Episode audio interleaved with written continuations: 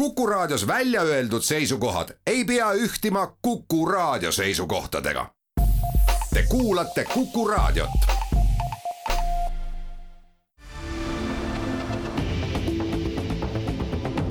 kahevahel.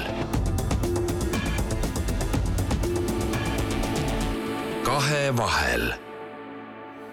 ilusat keskpäeva. Kuku raadio igareedene vestlussaade Kahevahel alustab. stuudios on saatejuhid Ainar Ruussaar ja Timo Tarve.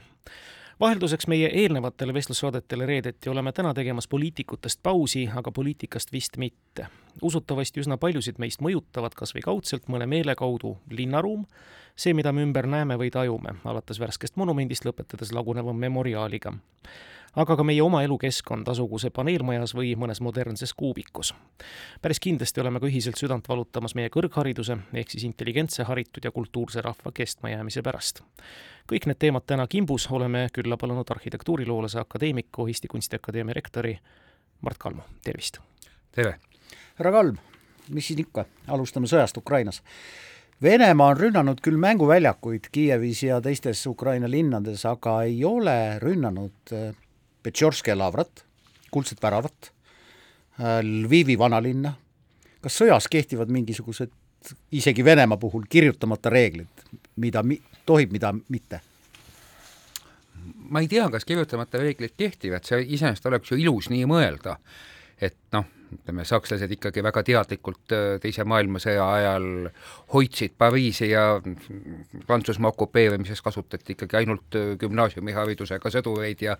et äh, teatud respekt ju ikkagi kuskil maailmas on olemas olnud, Venemaalt ma seda nii väga ei oota, aga, aga siin minu meelest on nagu teine põhjus, et Petšovskaja lava ja see on ju kristliku Venemaa häll, et see lihtsalt on öö, ka Putini Venemaale kõige püham koht, et äh, seda lihtsalt tuleb nagu nende silmis hoida ja säilitada, et äh, sellest ma saan aru, et nad ei pommita, samas kui nii võtta, siis äh, Lvivi või, või tegelikult noh, kuna ta on ajalooliselt olnud Poola linn, siis Lvov et, et selle vanalinna ju, mis tegelikult noh, ütleme, näeb väga habsburglik välja, et see on ju nende silmis kurja juur, et, et nad ju, Putinile ju meeldiks, kui ukrainlased ei oleks eraldi ja, ja oleks kõik üks venelased, nagu nad Kiievi Venemaal olid kunagi et see on ju kõik nii-öelda Poola süü, et ukrainlased on poolenisti katoliiklased ja pole nagu õiged venelased, et see, see ongi ju nagu selle sõja üks pahanduste allikaid, et selles kontekstis ju peaks Lvovi pommitamine neile eriti magus tunduma.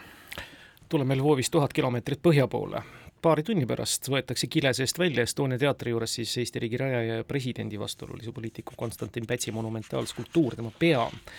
ja sama vastuoluliseks, kui peetakse Pätsi, peetakse ka sedasama hiigelpead. Öelge, Mart, kas teie arvates me jõuame üldse kunagi kokkuleppele ajalooliste isikute kujutamise osas ühiskondlikule leppele, et hea küll, kas me teda kujutame, üks küsimus ja teine küsimus, kuidas me teda kujutame? ei, ma arvan, et siin ühiskondlikku lepet ei tule iialgi et siin ikkagi, siin jääb kindlasti alati olema erinevate huvigruppide vaheline võitlus, aga ma pean seda ka loomulikuks või ma nagu ei, ma, ma nagu ei unistagi sellest ühiskondlikust leppest. et teistpidi, noh, mul iseenesest on sümpaatne see Triimi Velliste unistus, et, et kõikidele esimese Eesti Vabariigi äh, poliitikutele, suurtele poliitikutele, nii-öelda Eesti riigi tõelistele rajajatele et kõigile neile tuleks monumendid teha ja need monumendid peavad olema eh, sellised, et neisse respektiga suhtuvad nii tädi Maali kui Sorbonni professor. et noh, see iseenesest on mu meelest eh, Vellistel nagu hea positsioon, aga samas öö, eh, ole, möönan, et see on väga idealistlik positsioon. No jaa, meil on igasuguseid monumente ja, ja kust käiakse mööda valdavalt noh, nooremad ütlevad unise haugi näoga teate, ma olen Tartus sündinud, Tartus elanud, Tartus õppinud ja seda saadet ette valmistasin, valmistades avastasin, et Tartus on Eesti-Armeenia monument. mulle, mul ei tulnud ette ka, kus see võiks olla, see on Emajõe kaldal, pargis. ma olen sealt mööda käinud, aga ma ei ole seda monumenti tähele pannud, nagu ka Savisaare püstitatud see Vabaduskell, kust käiakse minu meelest ka mööda täiesti uniste nägudega, ilma seda tähele panemata. mis teeb monumendist monumendi? Et ma näen seda või siis lihtsalt ei märka? no ma ütleks, et Tartus Emajõe kallastel, et äh, kui sa tudeng ka veel olid, et eks see sõltus ka sinu enda konditsioonist, kas märkasid või mitte. aga, aga ja teine asi, et kui sa mõtled seda, seda Laapini kavandatud kella, et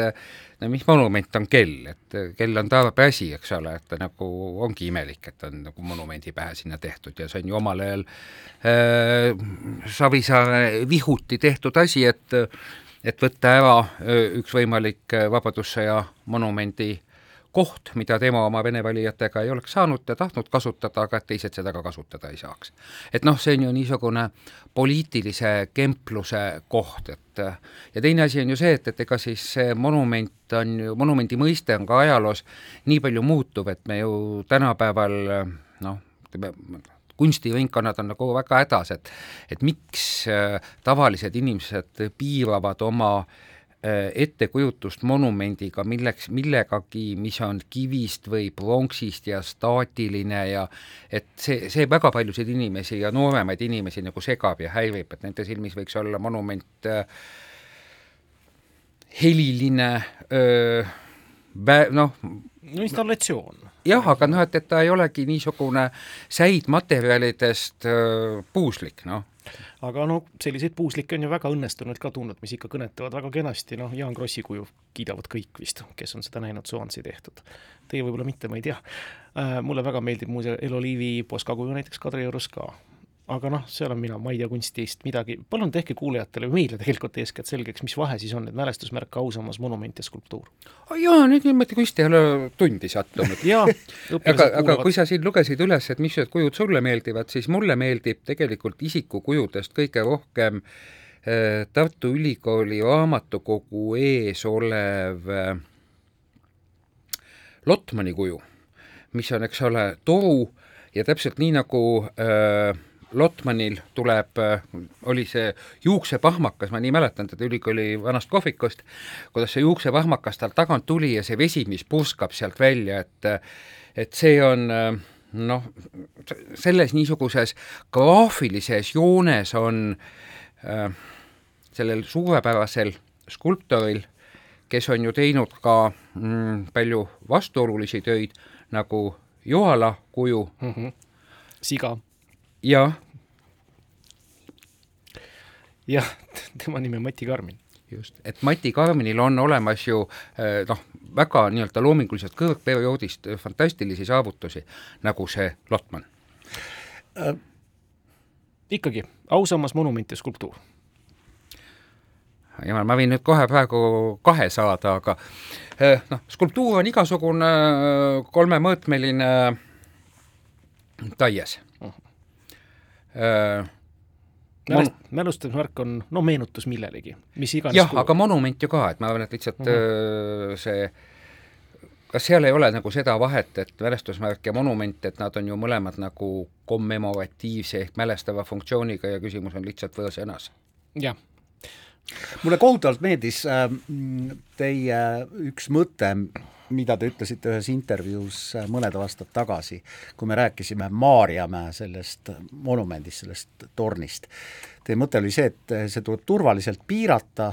ja lasta tal lihtsalt ära laguneda, et siis inimesed näevad, kuidas üks ajastu laguneb. olete endiselt sama meelt? ja, ja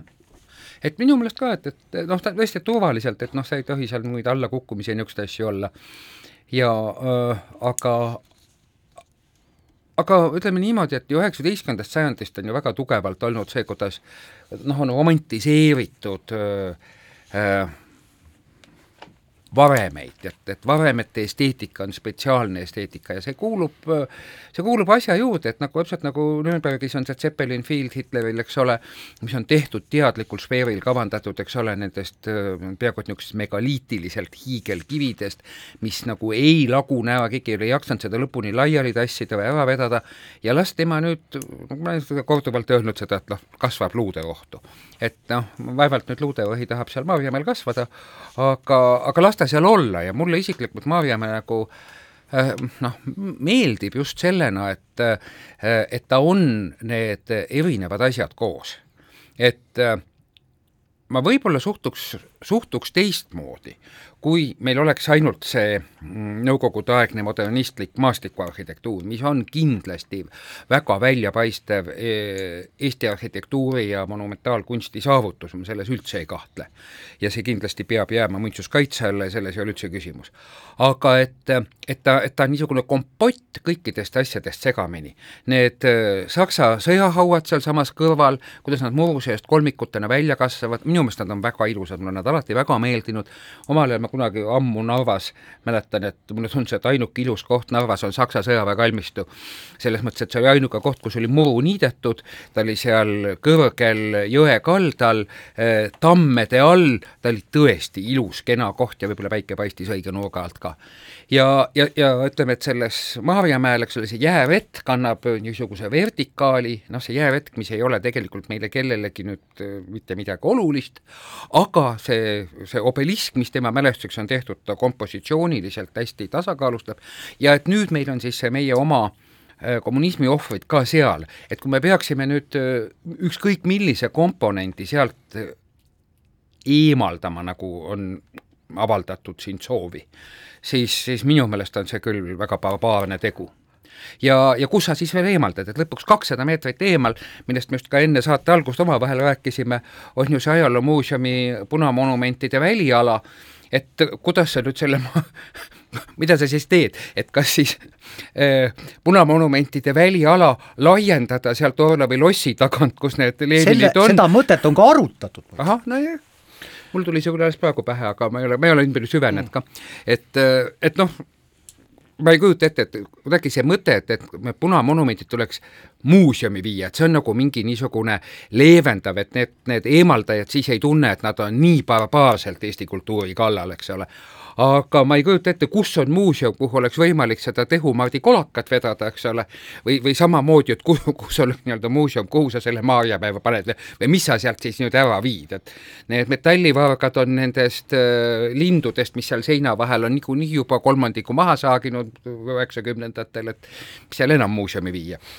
no ma läheks kohe sealt üle tee, üle Pirita tee ja kohe räägiks kahest kujust, mis mulle ei meeldi, ma ennem rääkisin, mis meeldivad, noh üks on Michael Parkile pühendatud kuubik ja teine on seesama Leroux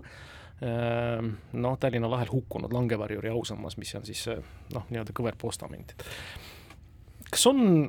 no ma tulen jälle selle ühiskondliku kokkuleppe juurde tagasi, et, et kes, mis ja kuidas nüüd peaks nagu luba küsima selleks ja, ja, ja kelle, kellelt nagu nõusoleku saama selleks, et me kõigepealt kellele ja teiseks kuhu mida täpselt püstitame ja et see nagu kõnetaks ka nagu möödujaid nojah, aga et ütleme, ütleme võib-olla nõukogude ajal oli veel see, et, et siis moodustati asjatundjatest komisjon mm. -hmm. aga tänapäeval ju enam asjatundjaid ei usuta, eks ole. vot pidingi küsima, muuseas see asjatundjate komisjon on ju salastatud. jah. Te ei tea ühtegi liiget sealt? ei. aga miks see minu meelest on see ka imelik, et noh, absoluutselt imelik minu meelest on nagu tõsine, ma olen nagu mõelnud seda, et, et äh, palju me siis nüüd ajakirjandusvabaduse ja igasugustes muudes niisugustes demokraatia indeksites äh, tänu, tänu Isamaa praegusele käitumisele tänavu sügisel nagu kol-, koltsatades alla kukume, et äh, olukorras, kus niisuguseid komisjone tehakse salaja, mitu inimest on kurtnud seda, et ajalehetoimetustes monumentide eemaldamist, eemaldamist, ütleme, monumentide kaitsvaid artikleid äh, peetakse kinni ja ei avaldata ja et noh, siin on ikka ju tõsised probleemid ajakirjandusvabadusega. ja meie praegu tsensuuri ei lähe, meil on lihtsalt reklaamipaus. kahevahel. kahevahel ajakirjanikud Timo Tarve, Ainar Ruussaar jätkamas igareedest vestlussaadet Kahe vahel ja meie vahel on täna Eesti Kunstiakadeemia rektor, arhitektuuri ajaloolane Mart Kalm. selle monumentide teema lõpetuseks äh, avastasin, et Taanis oli paari aasta eest suur ühiskondlik diskussioon, teate mille üle? kas meeste ja naiste kujutamine avalikus ruumis olevatel skulptuuridel ja monumentidel on võrdne ja ei ole, mehi on kaheksakümmend protsenti, naisi vaid kakskümmend. aga see selleks. Mart, me istume teiega tegelikult ideaalsel positsioonil, Tartu maantee kaheksakümmend on meie aadress, meil avaneb imeline vaade Sossimäe pealt no praktiliselt konsistentsile, mida Tallinna linnaarhitektuur võib pakkuda, naabruses on meil üks väärikas paekivihoone, tööstusarhitektuuri üks ilusaid näiteid, Liviko, samal ajal paistab kõrvalt nõukaaegne kontorihoone, mis on Haigekassa maja, taustal on olümpiahotell, siia paistavad ära vanalinna kirikud, Raine Karbi looming, eks ole, Rahvusraamatukogu keldrimäe, paneelmajad, uusarendused, päris kirju, kirju pilt, on see meie linna rikkuseks või pigem häbiks? jah, see on nagu, selle kohta võiks öelda, et kotka pilk. aga ma kirjeldan praegu kuulajale lihtsalt, et Mart Kalm pikalt mõtles, vaatas aknast välja seda pilti, mida ta nägi ja nüüd jah. et, et minu meelest noh, mis kõige ja mis on nagu positiivne asja juures, on see, et äh, sellel linnal läheb hästi. et siia, siia on praegu nii palju uut vahele tulnud, et me võime ju seda uut või ka remonditut äh, vaadata äh, noh, arhitektuuriajaloolasena ei ole raske seda kõike kritiseerida, aga, aga fakt on see, et see linn areneb kiiresti, paistavad, paistavad äh, mitte enam niivõrd korstnad, vaid kraanad äh,. noh, see on, see on tegelikult ju ikkagi kiire arengu äh, märk ja olukorras, kus me oleme, noh, kus selliseid kiire arengu hetki on meie ajaloos olnud nii vähe ja kuskilt need nõukogudeaegsed haavad sellest vaesusest ja, ja mahajäetusest ja kõigest sellest on nii tugevad, siis ikkagi see kiire areng nagu rõõmustab no ütleme, selle kotka, miks ma kasutasin alguses seda kotkapilgu sõna, on see, et, et siit me näeme nagu võib-olla niisugust üle latvade võib-olla sellist helgemat poolt, et et kui sa lähed nagu tänavale, et, et noh, siis see linnaruum muutub ikka äh, jube palju koledamaks. et äh, et, et need tänavad on ju ikka väga halvas seisus. Nad on äh, noh, niisuguse hästi vanamoodsalt äh, ehkki see teema tundub praegu juba pätat ära leierdatud, aga see on meil ikkagi praeguses äh, linnaruumis äh, äh, noh, ta on sõlmküsimus, on see, see ilmeksimatult ida-euroopalik autokesksus. et jalakäija valgusfoori tsükkel on lühike, autol on pikk, kõik on mõeldud sellele, kuidas auto saaks mugavamalt kurvi võtta, vaata, kuidas Liivalaia tänavalt, eks ole, on peaaegu et selle Kaasani kiriku nukk maha võetud, et et autod saaksid oma suure paaruga minna, eks ole. et see niisugune noh, meil on nii kaua selline motoopiline mõtlemine olnud, et et neid noh, teedeinsenere on hästi vanamoodsas võtmes tipis ju aasta, aastakümneid õpetatud niisuguses kahekümnenda sajandi esimese poole äh, autoutoopias. et, et auto tuleb ja päästab kõik. et noh, see, siis ma saan aru nendest noortest inimestest, kes ei kasuta autosid või ka, või rendivad siis nädala lõpus, kui on vaja minna maale maale siis ainult selleks autot, et see on nagu nii totaalselt muutumas. Ja teine asi on see, et, et Eestis nüüd ka, eks ole mm,, et äh, noh, kuna Nõukogude aja lõpuni ei olnud kõikidel inimestel võimalik autosid saada, sest auto oli lihtsalt nii kallis ja ta, teda oli raske, raskesti kättesaadav, siis, siis võib-olla tänapäevani on see niisugune ähm, noh äh,, autofetiš on ühiskonnas kohati olemas, et see auto on nii tähtis, mis on, mis on midagi niisugust, millest noh, need ütleme, need arengutrajektoorid Lääne-Euroopas ja Ida-Euroopas on nii erinevad, et see, kuidas eestlased muretsevad äh, ikka palju neid hobujõude on ja, ja et noh, üks, üks itaallane ja prantslane vaatab seda täiesti hirmunult, et miks see siis nüüd tähtis on, et auto on ainult selleks, et deplatseeruda, et noh, lihtsalt ja ükskõik, millise panniga sa seda teed, eks ole. kui vaadata midagi positiivset, siis äh, noh, nii Reidi tee või see tee, mis läheb äh, Tallinnast Piritani mööda mere äärt ja mis on mõeldud jalakäijatele, kui on Narva jõeäärne promenaad, äh, noh, inimesed armastavad seda, inimesed käivad seal, nii et tegelikult positiivselt vaadates võib näha, et jumala pärast, otsustajad, rohkem selliseid jalakäijate promenaade, aga Mart Kalm, on selline mõiste nagu ajutine arhitektuur. vot mina ei olegi aru saanud, mida see tähendab. kui Viru keskuse juurdeehitust rajama hakati, siis keegi ütles mulle, ah, see on ajutine. aga ei ole midagi ajutisemat kui igavene arhitektuur. mis on ajutine arhitektuur? no ega me täpselt ei tea, aga, aga ma julgen arvata siin seda, et tänapäeval on äh, asi muutunud äh, üha rohkem ehitatakse, noh, nagu maja ei, kuskil, kui ma ei tea, vanasti, kuigi me ei oska täpselt öelda, kust läheb piir, millal, millal hakkab peale vanasti. et vanasti ehitati tõesti maja nagu kestmiseks. võib-olla, ma ei tea, Tallinna kahekümnenda sajandi puumaju võib-olla mitte selle mõtmisega, et nad igavesed on, aga, aga ütleme, et kuskil eh, eelmise sajandi viimasel veerandil läänemaailmas absoluutselt eh, see ajutisuse mõte tuli ja see tuli sisse sellega, et öö, hoone ei ole mõeldud igavesti püsimiseks, vaid tal on tasuvusperiood ja kui tasuvusperiood on öö, ära noh, nii-öelda täis saanud, siis lammutatakse ja asendatakse see uue ja paremini tasuvaga. ehk siis mis on olnud tõepoolest öö, kaubanduskeskused et kaubanduskeskused, mis on sellised suhteliselt odavad kuudid, eks ole, need lihtsalt lammutatakse ja vastavalt sellele, kuidas on poodide ja viimased trendid kaubanduses, need muudetakse ümber. Ja, ja ma arvan, et tegelikult ka meie öö, kaubanduskeskustega juhtub varem või hiljem sama, sest me ju näeme seda, kuidas tegelikult noh, ka jällegi suhteliselt vanamoodsalt on Tallinn öö, ehitanud neid kaubanduskeskusi palju, aga samal ajal inimesed ostavad üha rohkem netist,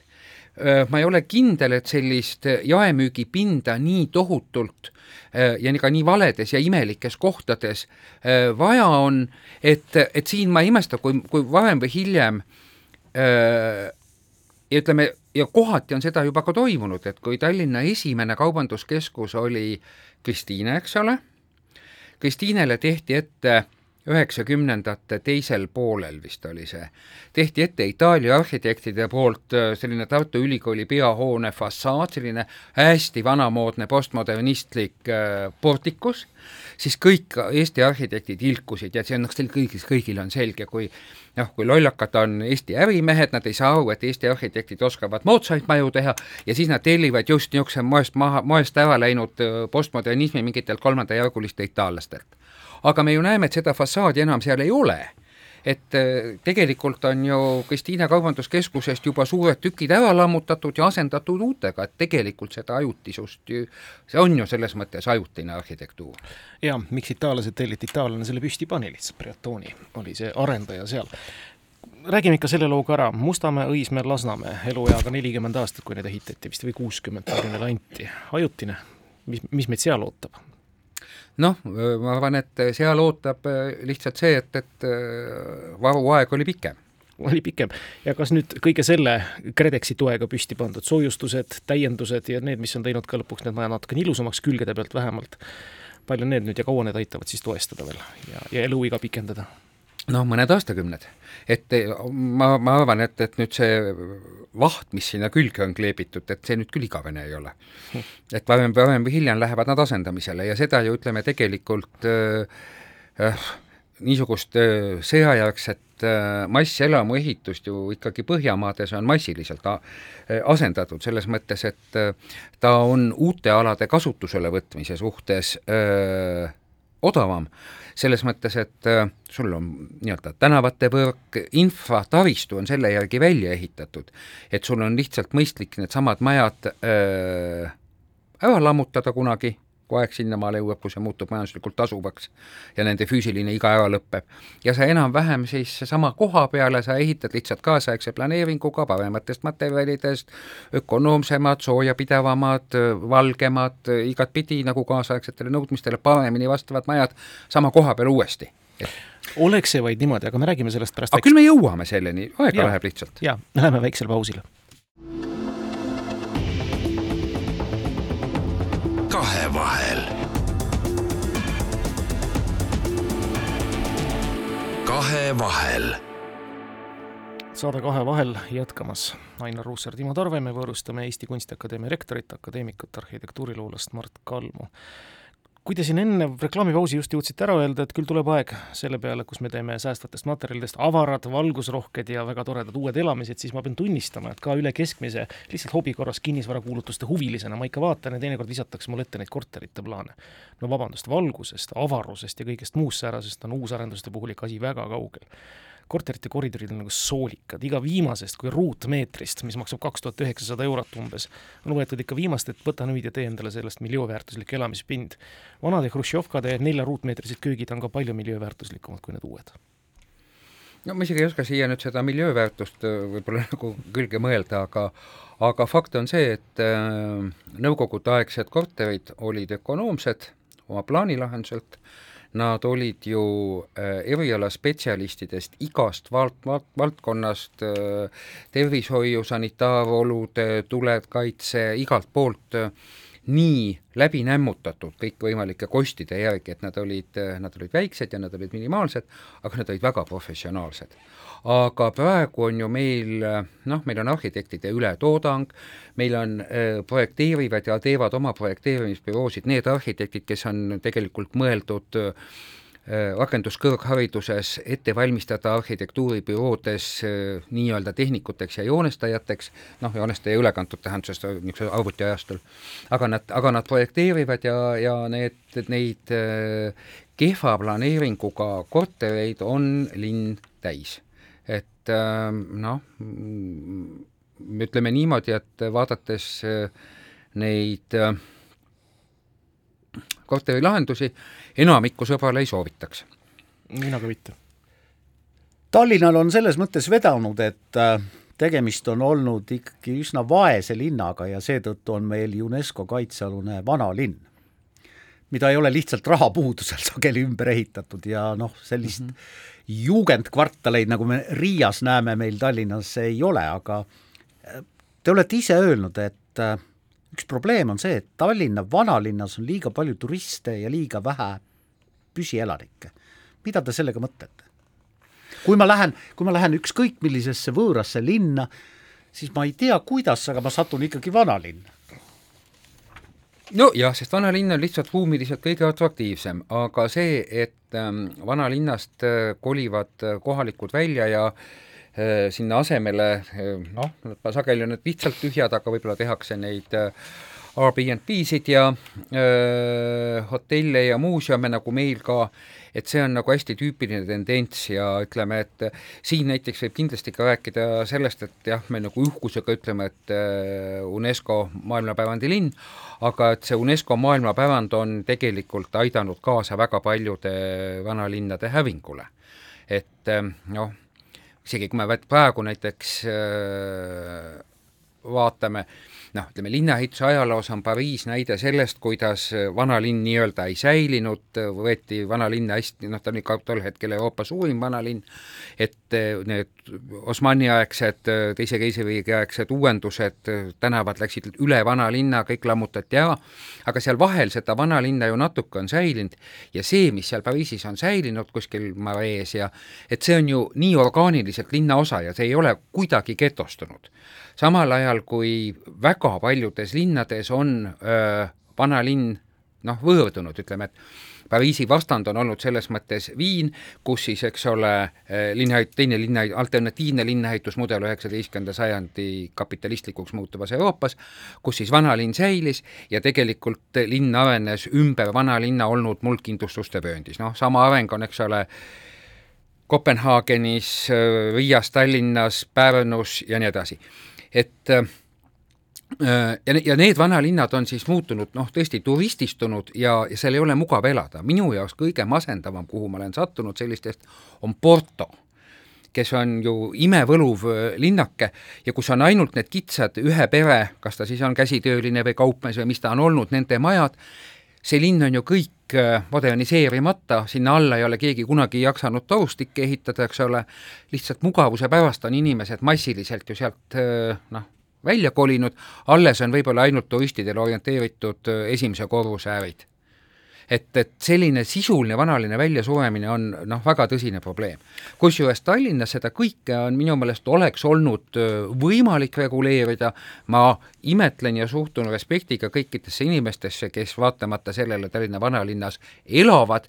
kõiki, kõik need kannatused, kus nad ei saa poekottidega ukse ette ja nii edasi, et noh, Tallinn ei ole veel selles mõttes üle-euroopalises mastaabis kindlasti kõige hullem, aga mul oleks jube hea meel, kui Tallinna linn lihtsalt ka võtaks selle südameasjaks, kuidas öö, elu öö, vanalinnas hoida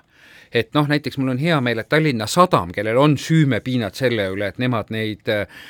kruiisituriste laevatäite kaupa vanalinnast äh, üle veavad, et oma süümepiinades nad tellisid äh, mitu aastat uuringut Kunstiakadeemia muinsuskaitse ja konserveerimise osakonnast,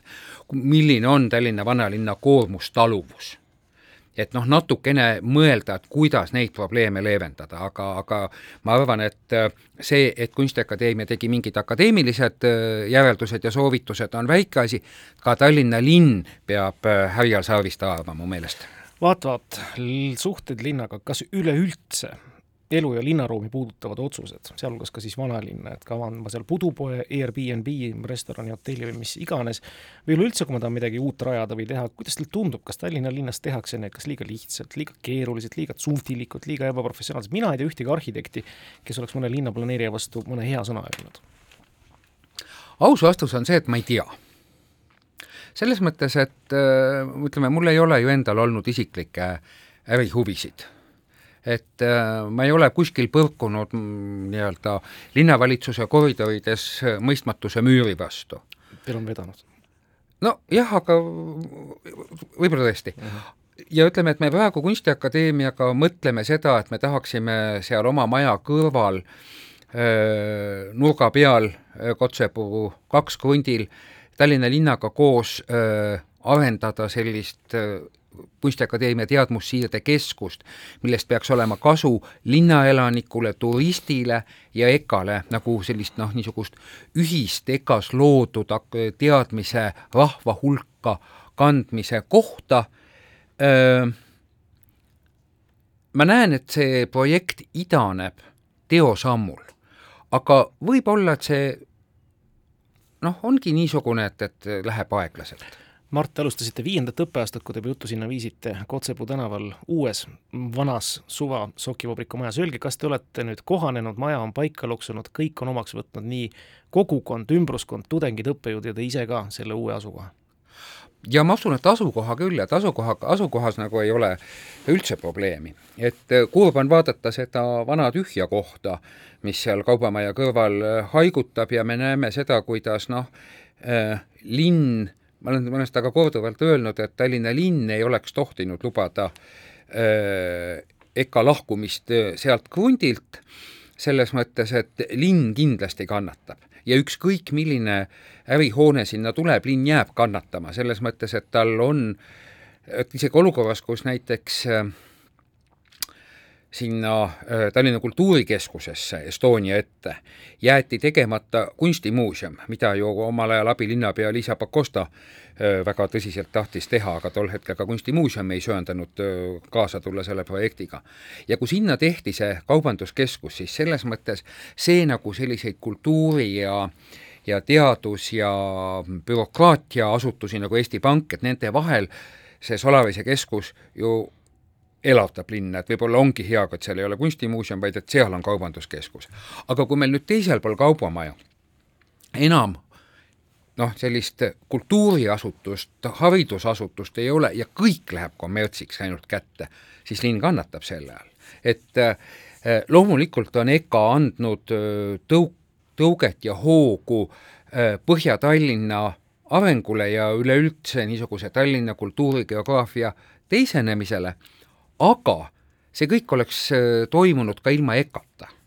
et Põhja-Tallinnal läheb, Põhja-Tallinn on olnud kogu see sajand äh, moes äh, gentrifikeeruv, pikalt gentrifikeeruv periood, et piirkond, et, et seal, seal ei olnud seda EKA-t nii palju vaja, aga loomulikult meil on olnud hea, probleem on muidugi lihtsalt see, et noh, maja on väike et see on ju meile omaaegsete nii-öelda kättemaksuna öö, ebanormaalselt väikeste no normide järgi ehitatud maja, mistõttu me praegu vaatamata sellele, et ühes majas koos olles on meil ikkagi selline kulude öö, tohutu kokkuhoid, aga, aga me, me rendime ju massiliselt juurde, meil näiteks lihtsalt äh, vabade kunstide magistrid on Arsis, sest nad ei mahu, meil ei ole neid sinna kuskile panna, meil on Nukufilmistuudiod renditud majast väljas ja, ja veel mitmed osakonnad on ikkagi mööda linna veel laiali, sest sinna majja lihtsalt ei mahu. küsin rektori ja ei vaat vaja, sinna läksid nüüd osad vabade magistrid, kuigi seal me ei küta ja, ja see on väga, see on noh, see on nii vaskes, vaskes olukorras olev maja, aga meil ei ole ka ressurssi sellega midagi praegu ette võtta. küsin rektori ja akadeemiku käest enne pausile minekut sellise küsimuse, et linnaruumi üks osa on tänavanimed. ja noh, ma arvan, et enamus narvakaid käib äh, nendest vaidlusalustest Tiimani ja Tuumani tänavatest mööda, nii et nad ei, neile ei ütle see, need nimed mitte midagi, aga aga meil on Moskva puiestee Tallinnas, meil on vanalinnas Vene tänav. et kas teie oskate öelda, kust vedada see piir, et äh, milliseid tänavaid tuleks ümber nimetada, milliseid mitte? mind no, ennast et..., ma ütlen ausalt, mind ennast kohutavalt ärritas see, kui algas mingisugune diskussioon selle üle, et Pikk tänav vanalinnas, kus asub Vene saatkond, tuleks ümber nimetada Ukraina tänavaks. mind ärritas see mõte ja jah, see oleks nagu võib-olla liiga suur muudatus, aga teine asi on ju see, et me oleme mm, ütleme ju noh, meil, meil ei ole mõtet ju siin silma kinni pigistada. meie vanalinnad on ju ajalooliselt saksa kultuuriruum ja nendel tänavatel on kõigil ajalooliselt olnud mitte eesti, vaid saksapärased nimed, me oleme nad ise äh, tõlkinud. Ja ma pean tunnistama, et ma, ma olen lapsepõlves kogu aeg teadnud, et Pärnus on Kalevi tänav, see peatänav, mis enam ei ole peatänav väga, ja kui see üheksakümnendatel Kalevi tänavast, sest see tuli välja, et see on nüüd niisugune Eesti natsionalism, millega äh, Rüütli tänav ehk siis Ritterstrasse oli Eesti ajal nii-öelda eestistatud, et nüüd, et nüüd õiglane on panna need vanad nimed ja seetõttu siis Rüütli nimi et noh, mina küll siiani kõhklen selles, et kas nüüd Rüütli äh, tänav on nüüd äh, Pärnus parem kui Kalevi tänav, et noh, mitte et ma nüüd õudselt mingi Kalev vaata tänapäeval ka juba, et kas, kas sa mõtled selle all nii-öelda muinaskangelast või sa mõtled selle all kommivabrikut, et see ka või noh. no ma oleks korvpalli Kalevi peale mõelnud. aga hea küll, me läheme siinkohal pausile.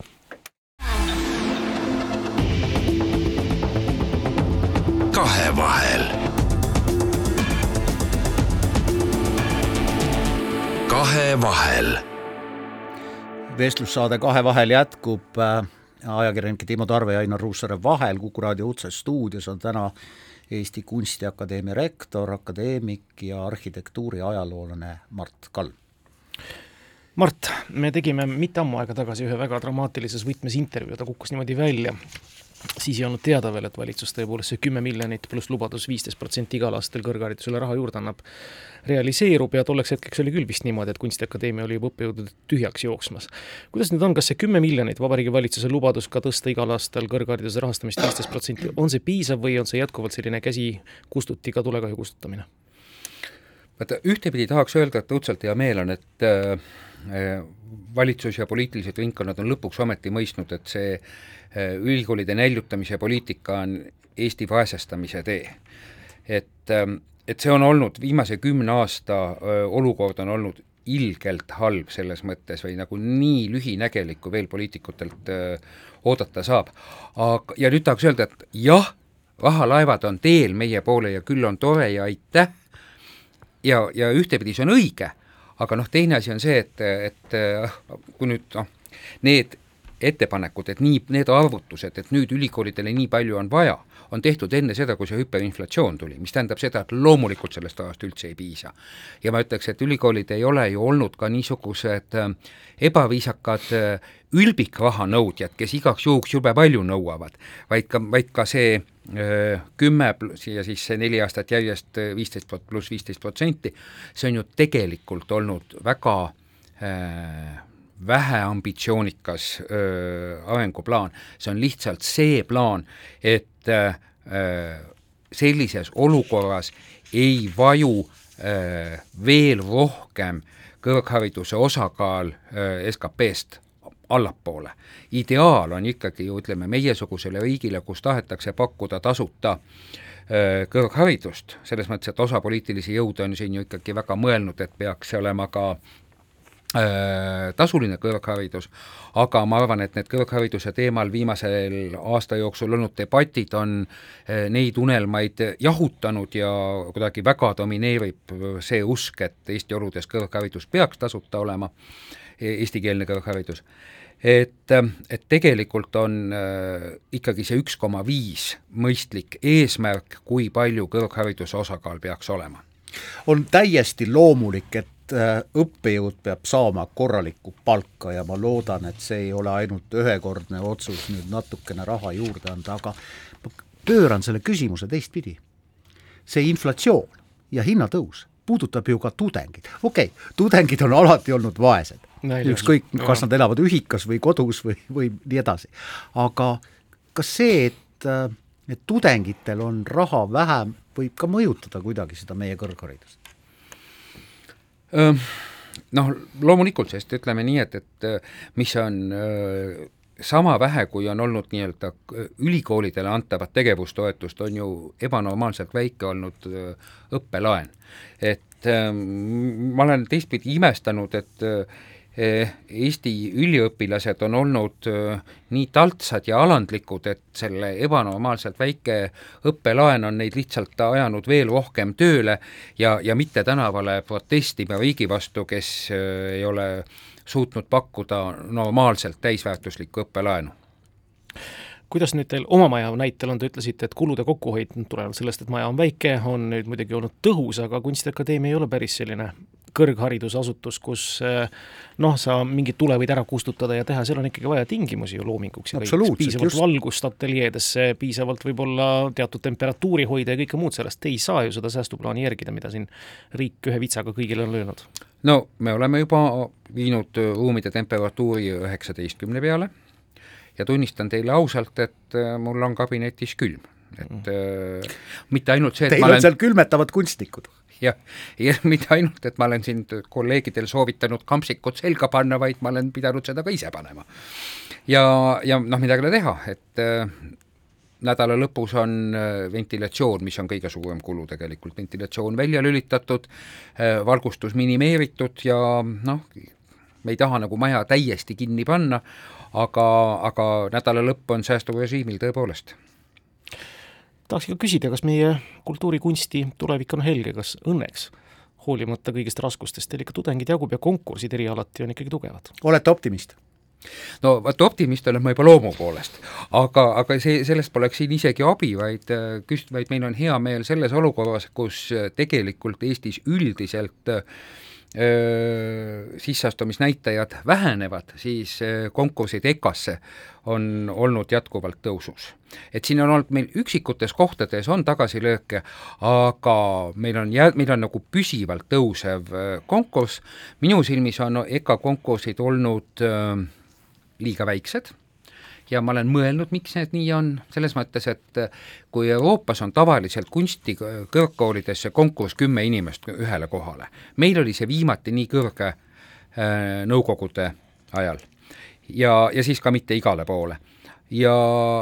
ja nüüd lihtsalt äh, on kapitalistlikud olud, vaene maa ja seetõttu ei saa endale kunsti paljud inimesed äh, lubada, aga, aga on väga populaarseid erialasid, noh, milleks on graafiline disain, Eh, sisearhitektuur, fotograafia, mood, et need on jätkuvalt sellised väga populaarsed aitäh, et tulite täna Kuku raadio otsestuudiosse Eesti Kunstiakadeemia rektor, akadeemik, arhitektuuriajaloolane Mart Kalm, Timo Tarve ja Ainar Ruussaar tänavad, et kuulasite. saade Kahe vahel taas järgmisel reedel kell kaksteist.